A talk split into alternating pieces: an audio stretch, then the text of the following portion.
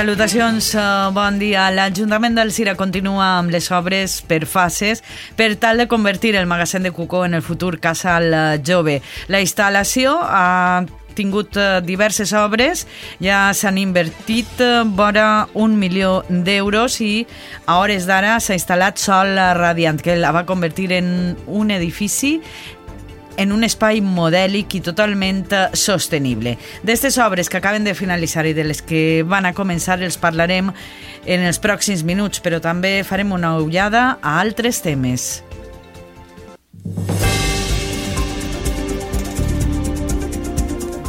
L'Hospital del Cira forma metges residents de la Comunitat Valenciana en cirurgia laparoscòpica. La festa de l'Esperdanya del Cira ofereix enguany tallers de cuina per als més menuts perquè també siguen protagonistes. Un despatx d'advocats al Cireny aconsegueix el perdó de més de 500.000 euros de deute dels seus clients gràcies a la llei de segona oportunitat. Es posen a la venda demà a les 9 del matí les entrades per al concert de La Fúmiga al Gran Teatre el 14 d'abril obert el termini per enviar redaccions al concurs literari juvenil de la llengua materna organitzat pel Centre de la Joventut Cira. I uh, també en temps d'esport, altres seran les notícies. Les avança David Jordà. Edu López Pintor va aconseguir ahir el primer títol de l'any per al Club de Pilota Valenciana d'Alcira en guanyar la final de frontó al 4 i mig 32-21. Parlarem també amb ella de les tres finals que, o els tres finalistes que jugaran este cap de setmana, dos finals de l'individual de raspall. Per tant, un títol es quedarà a Alcira. També parlarem del començament de temporada d'Alberto Castrillo, que eh, prepara per a este cap de setmana la primera fase nacional de recorreguts de tir a Almeria. I pel que fa a l'oratge, el Centre de Coordinació d'Emergències s'ha decretat avui situació de risc extrem d'incendis forestals en la nostra zona a causa del vent de ponent. És la 1 i 33, comencem.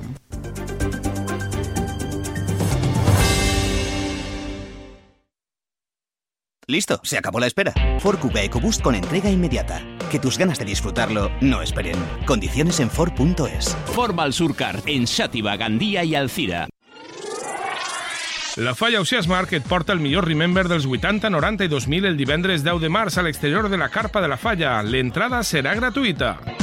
Hi haurà tarders des de les 7 de la vesprada amb la música dels DJ Vicente Buitrón, Jesús Lavián, Javi Bria i Fede. Col·laboren Mercedes-Benz Talleres Ferauto Alcira, Cafetería Moments, Burger Film, La Bodeguita del Medio, Canguro Rojo y Autocares Duen. Porque no hay una segunda oportunidad de causar una buena primera impresión, en Marisa Martínez, Moda y Complementos, te ayudamos a conseguirlo. Con más de 30 años de experiencia, somos expertas en conseguir un look perfecto. Nuestro equipo de asesoras y modistas propias garantizarán que tengas la mejor experiencia de compra y te vayas a casa sintiéndote lo que eres, especial. Visita Marisa Martínez en la avenida Sucro número 1 de Alcira o en shop.marisamartinez.com y descubre un espacio de moda único. Marisa Martínez, comercio seleccionado en el mes de marzo en la campaña Alcira 12 meses, 12 comercios. Ayuntamiento de Alcira.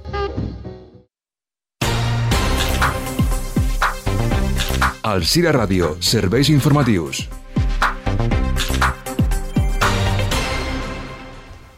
L'Ajuntament del ja acaba la instal·lació del sol eh, Radiant en el futur Casal Jove es tracta d'una fase més per a convertir l'antic magasin de Cuco en un edifici per a la joventut alcirenya que siga totalment sostenible.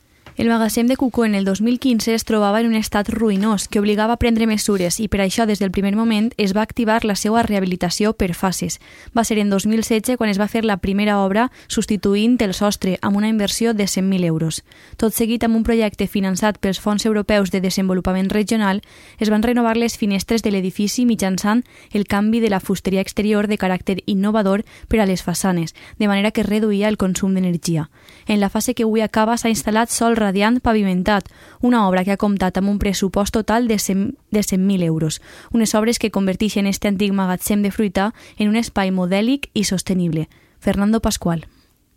I bé, eh, diré, este projecte és un projecte vanguardista, és un projecte que és capdelanter, jo diria que és pioner en la província de València, perquè transformar el que és un habitatge com este, que era un antic almacén, transformar-lo i tindre un edifici eh, d'eficàcia energètica i de consum zero. És important, no?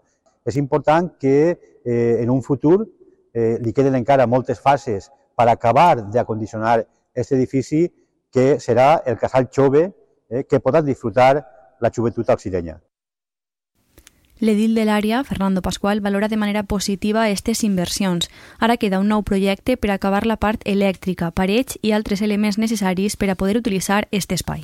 I l'Hospital Universitari de la Ribera acull esta setmana el 14è curs bàsic de cirurgia endoscòpica, amb el qual diversos metges eh, residents de la comunitat valenciana s'entrenaran en el maneig de la cirurgia laparoscòpica. Avalat per l'Associació Espanyola de Cirurgians, este curs s'ha programat en un total de 21 hospitals de tota Espanya, amb l'objectiu que residents de primer any en cirurgia general i digestiva coneguen esta tècnica quirúrgica mínimament invasiva. Al llarg de tres dies s'han programat sessions teòriques i un bloc de classes pràctiques que inclouen l'entrenament amb simuladors quirúrgics per a cirurgies d'hèrnia inguinal, vesícula, colon o apèndix. La via laparoscòpica permet dur a terme intervencions quirúrgiques a través dels orificis naturals o de xicotetes incisions realitzades a aquest efecte, cosa que evita les cirurgies obertes i accelera la recuperació del pacient.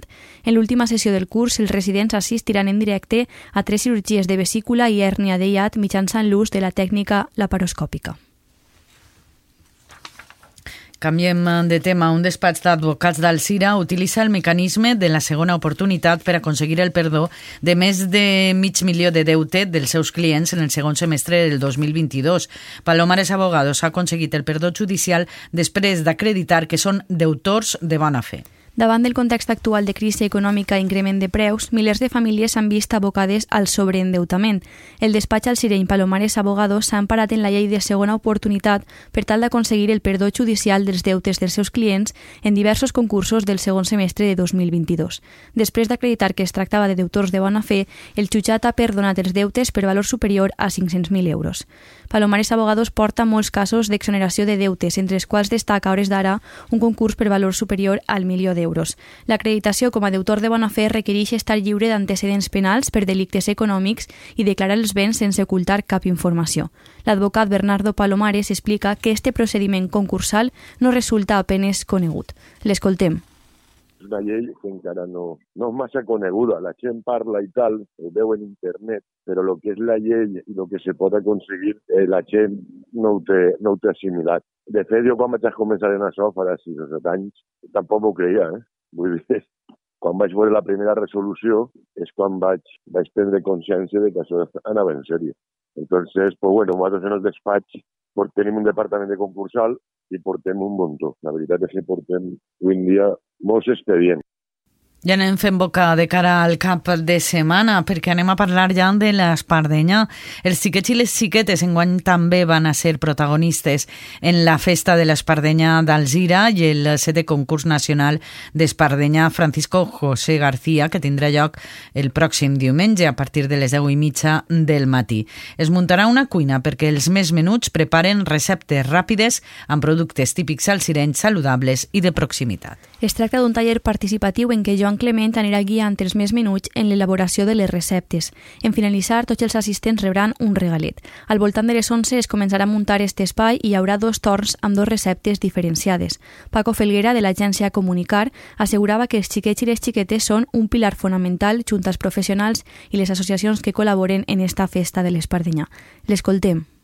Considera que són tres pilars molt importants, associacions, professionals i els xiquets que tindran el seu dia també. Està molt simpàtic, eh? Han fet ja les proves en altres puestos, pues els xiquets, n'hi ha alguns que són molt curiosos. Ai, pues jo en ma casa faig això, jo ajudo a ma mare, jo...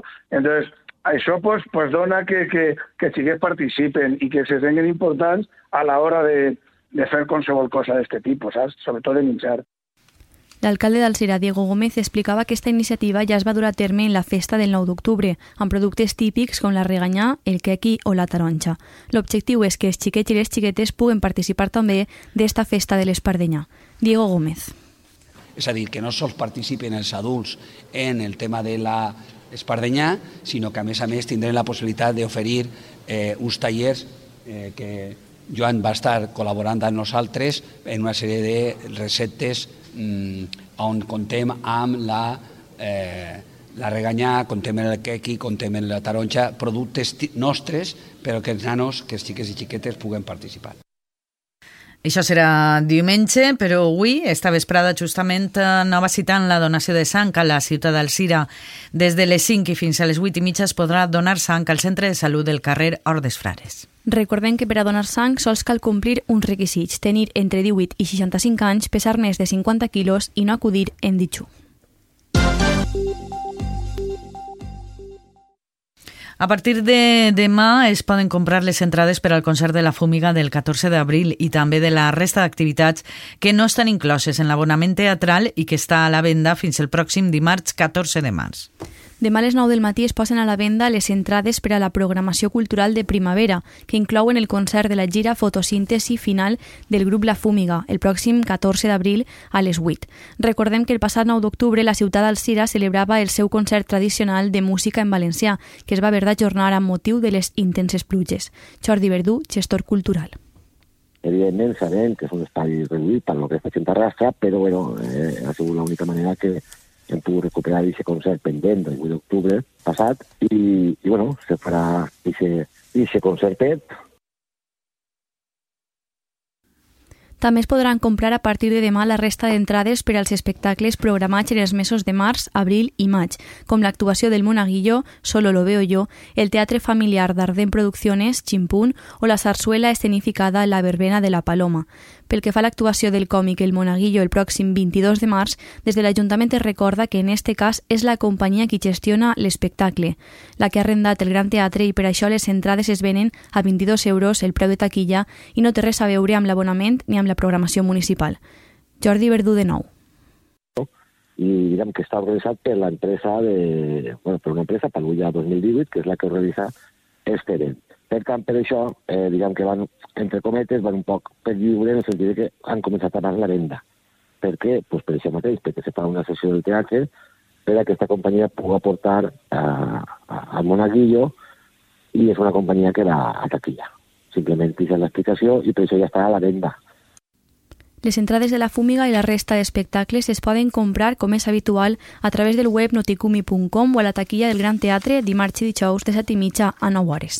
I la Falla Plaça La Malva renovarà demà el seu primer lloc en la classificació de la Comunitat Valenciana de llibrets que promouen l'ús eh, del valencià. Un total de 11 comissions falleres alcirenyes han estat premiades per la Conselleria de Cultura per la promoció de l'ús del valencià amb els seus llibres de 2023. El lliurament de premis serà demà al Palau Palau de les Arts de València. Amb este reconeixement, la Malva aconsegueix guanyar 10 primers premis, 9 segons premis i 3 tercers.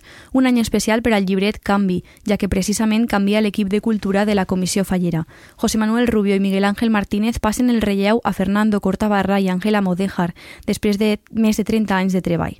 Miguel Ángel Martínez està segur que este primer premi donarà força per a la nova etapa que comença nosaltres estem contents també perquè la, la gent que arranca ara, la gent nova, doncs evidentment eh, no és el mateix arrencar en un disgust o en un despago que arrencar en un primer premi. I això, això dona molta força.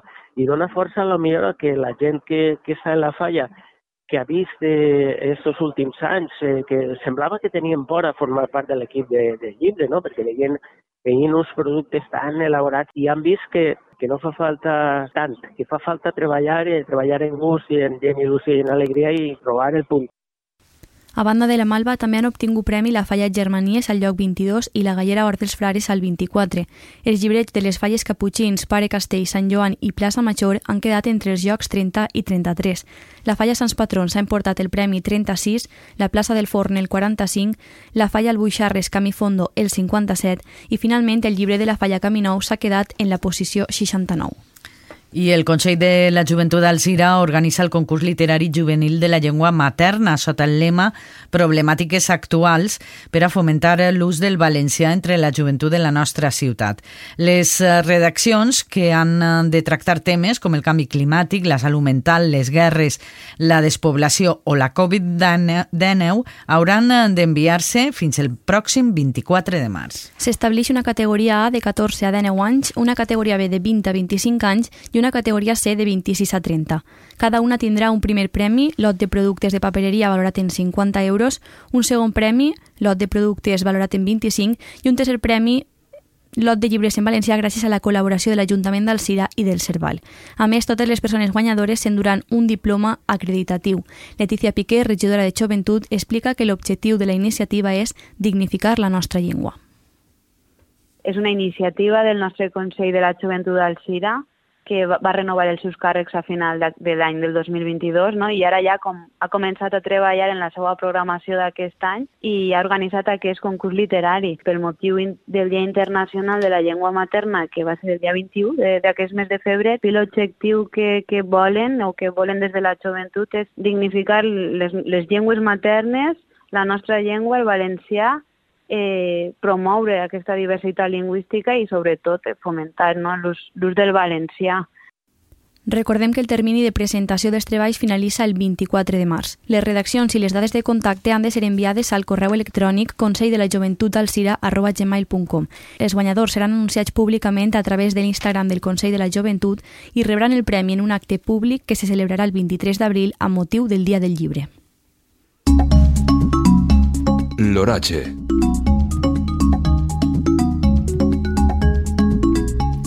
El nivell eh, de preemergència per a risc d'incendis forestals és avui extrem a les províncies de València i Alacant.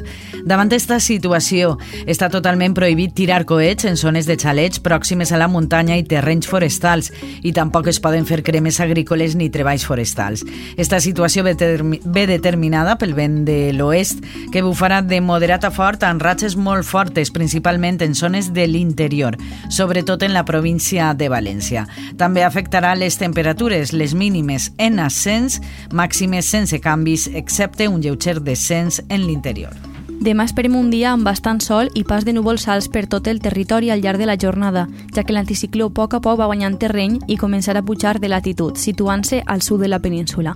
Les temperatures màximes pujaran lleugerament, deixant uns valors a l'interior prop dels 21 i 25 graus i al litoral entre 24 i 28, amb vent de ponent que bufarà puntualment intens durant el matí i primeres hores de la vesprada en punts del sud de València i Alacant, amb ratxes que poden superar els 70-80 km per hora i en la resta serà moderat moderat amb alguna ratxa de més de 50 km per hora.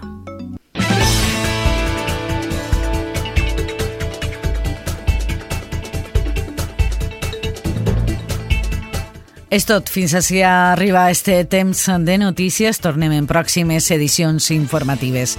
Gràcies per la seva atenció. Adeu.